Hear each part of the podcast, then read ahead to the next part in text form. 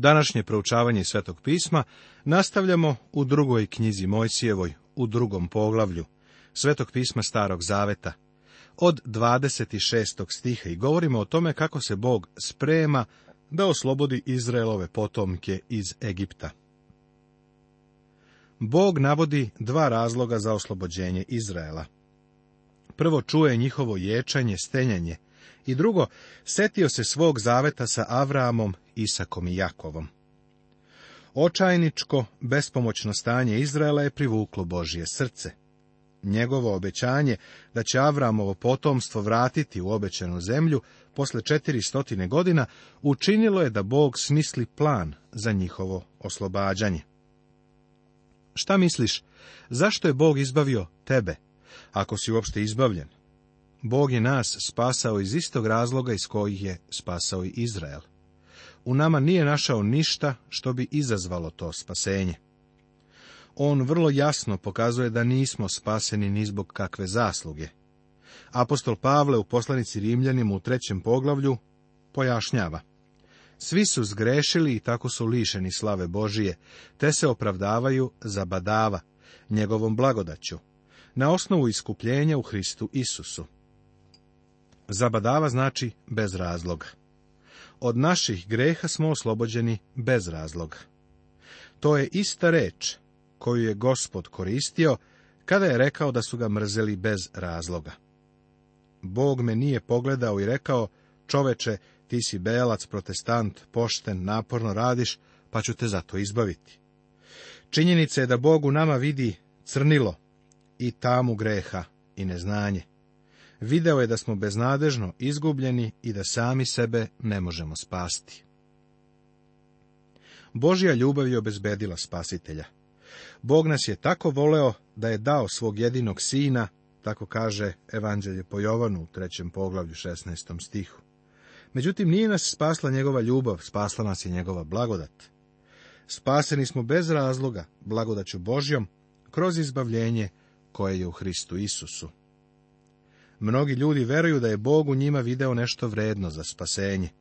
Oni veruju da ih je Bog spasao kao grešnike, ali zato što je video kako će postati, jel te, divni ljudi. Htio bih da kažem da je ova ideja potpuno pogrešna. Nikada nećemo postati divni. Svako od nas ima svoju staru prirodu u kojoj nema baš ničeg dobrog.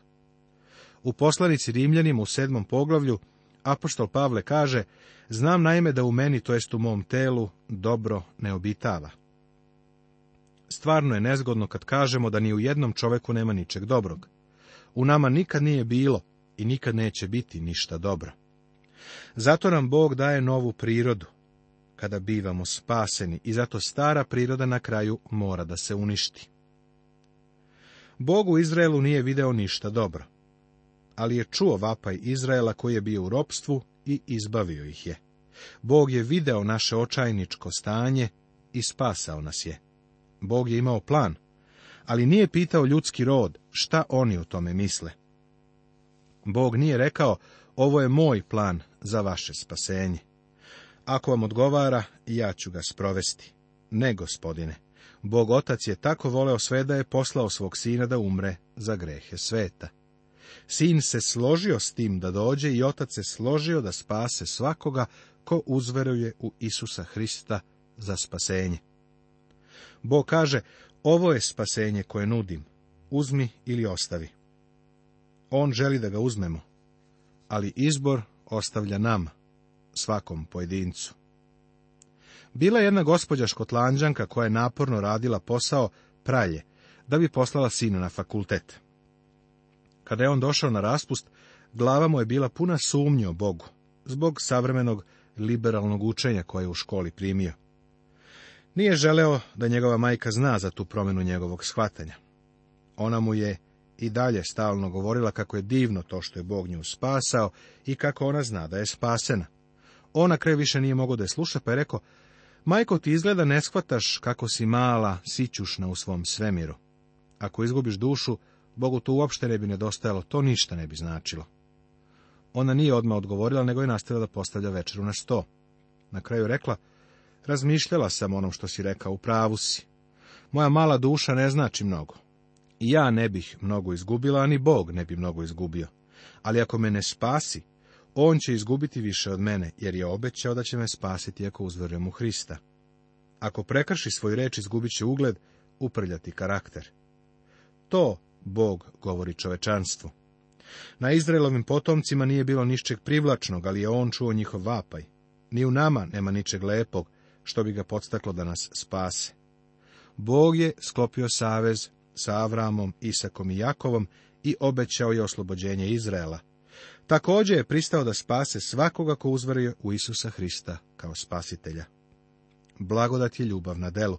Ona spasava svojom blagodaću, a njegova velika ljubav je obezbedila izbavljenje.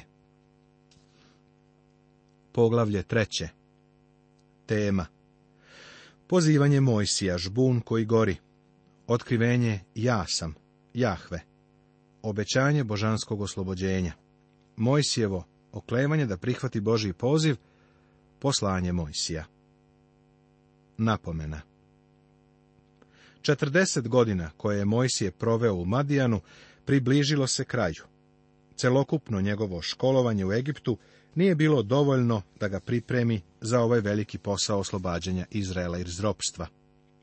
Kroz 40 godina priprema u Madijanskoj pustinji Boga oprema za ovaj zadatak. Pozivanje Mojsija A Mojsije pasaše stado Jotoru, tastu svojemu, svešteniku Madijamskomu i odvede stado preko pustinje i dođe na goru Božiju, Horiv. I javi mu se anđeo gospodnji u plamenu ognjenom iz kupine i pogleda, a to kupina ognjem gori, a ne sagoreva. Mojsije se okrenuo da vidi zašto žbun gori, a ne sagoreva. Jedan od najvećih dokaza tačnosti Svetog pisma jeste postojanje izraelskog naroda. Pre dosta godina, jedan germanski car jednog dana upitao svog kapelana, šta je najveći dokaz da je Biblija Božja reč?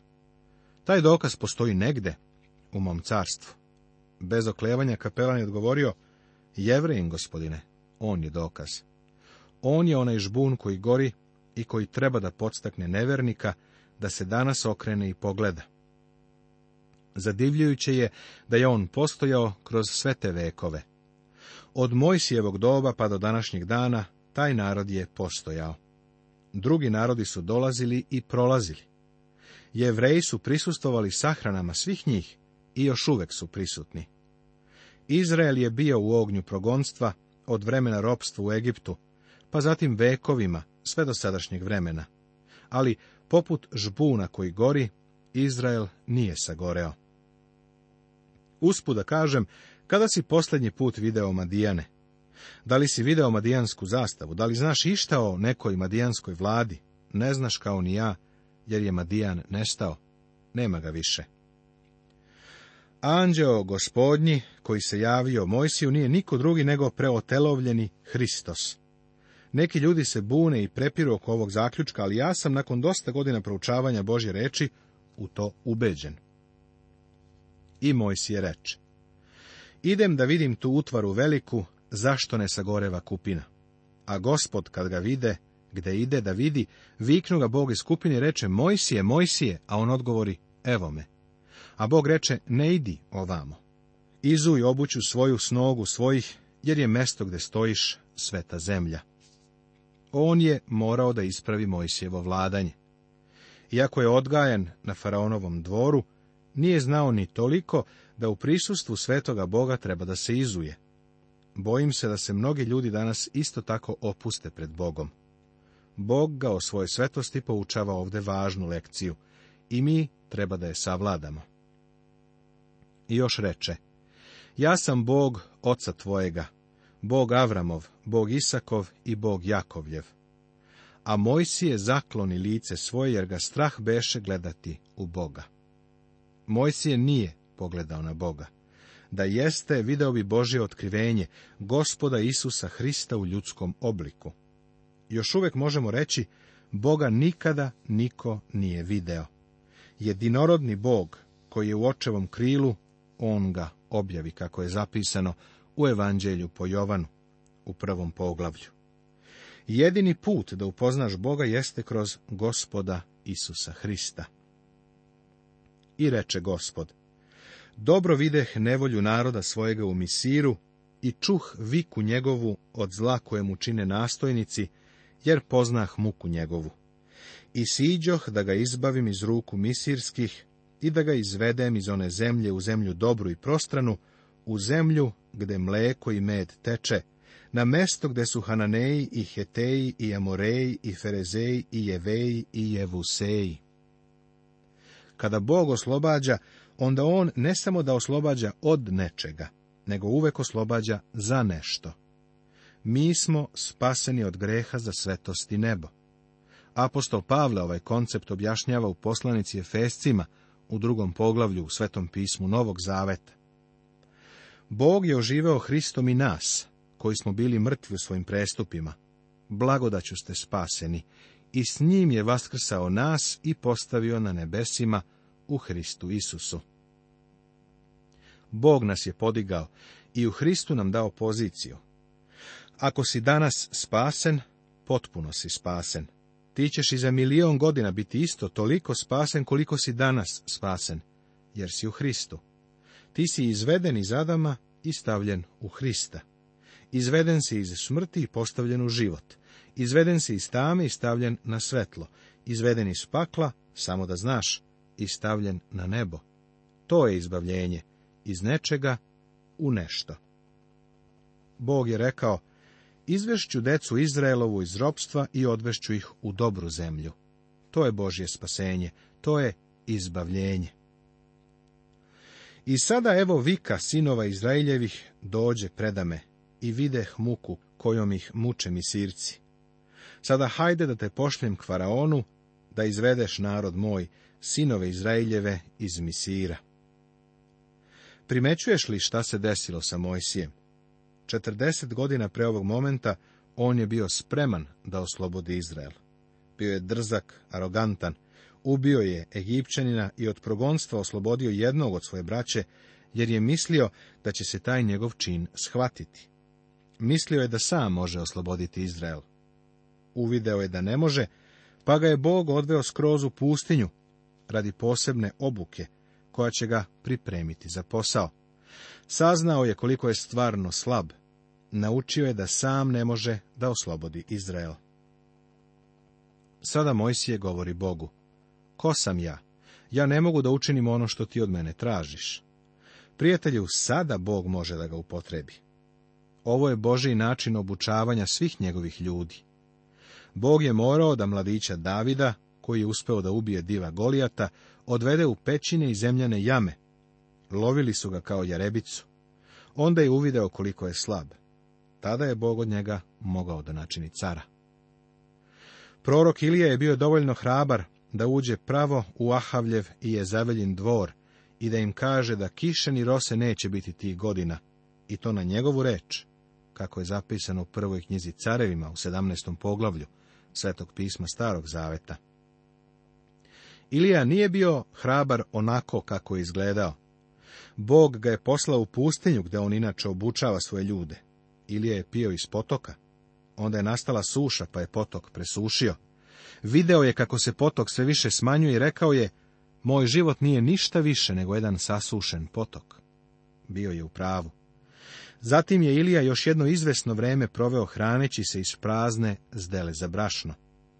Otkrio je da je on bio ništa, a da je Bog bio sve. Kada je to shvatio, Bog ga je upotrebio da se suoči sa valovim prorocima i da prizove oganj sa neba. Apostol Pavle to ovako kaže. Zato mi se sviđaju slabosti, zlostavljanja, nevolje, gonjenja, pritešnjenosti Hrista radi. Jer kad sam slab, onda sam silan.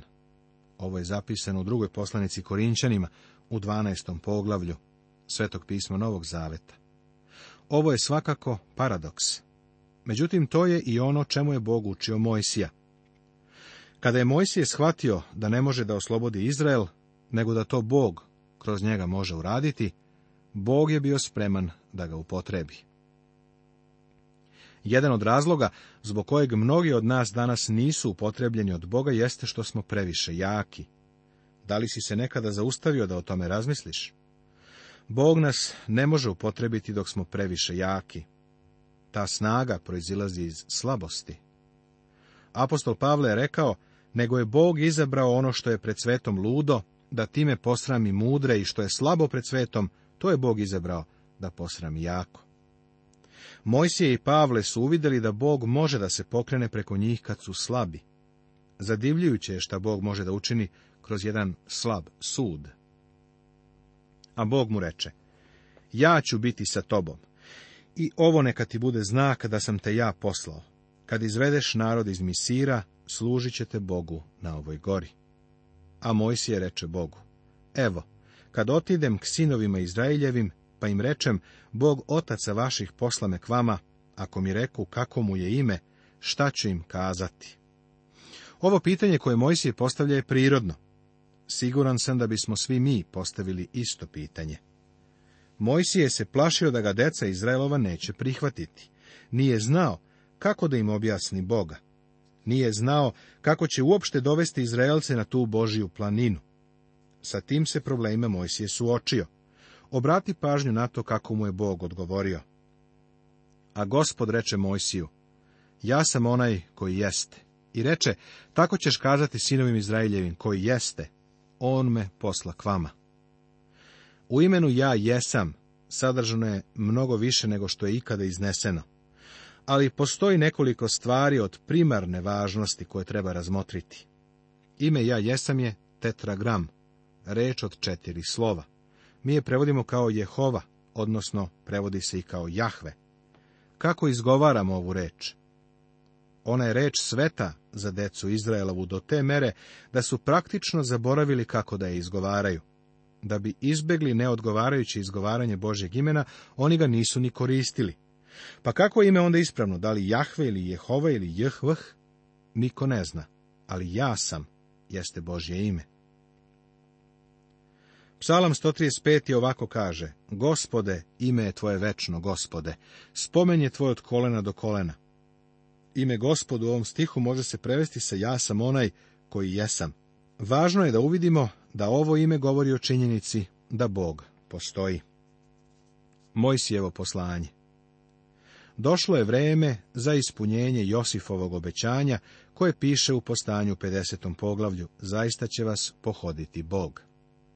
I opet reče Bog Mojsiju, ovako kaži sinovima Izraeljevim, gospod Bog otaca vaših, Bog Avramov, Bog Isakovi, Bog Jakovljev, posla me ka vama, to je moje ime doveka i to je spomen moj od kolena na koleno.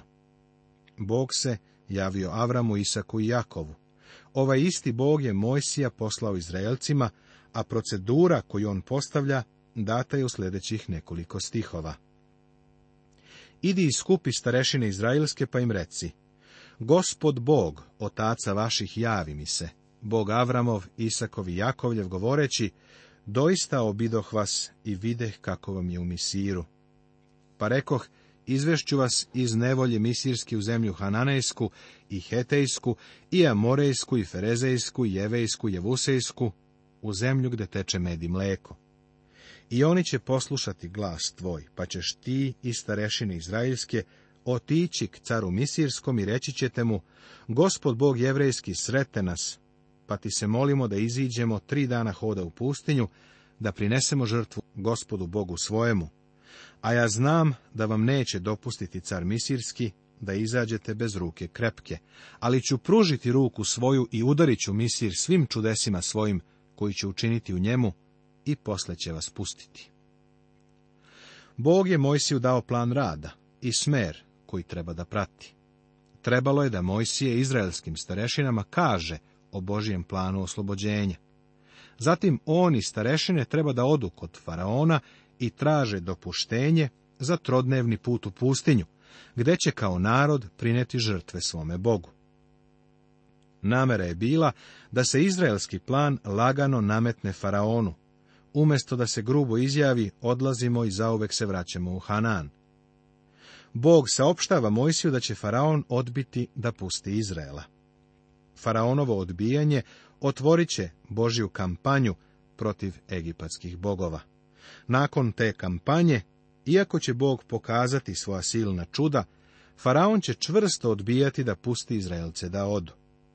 Zatim će Bog doneti zla koja će učiniti da se faraon predomisli i pošalje Izraelce iz Egipta.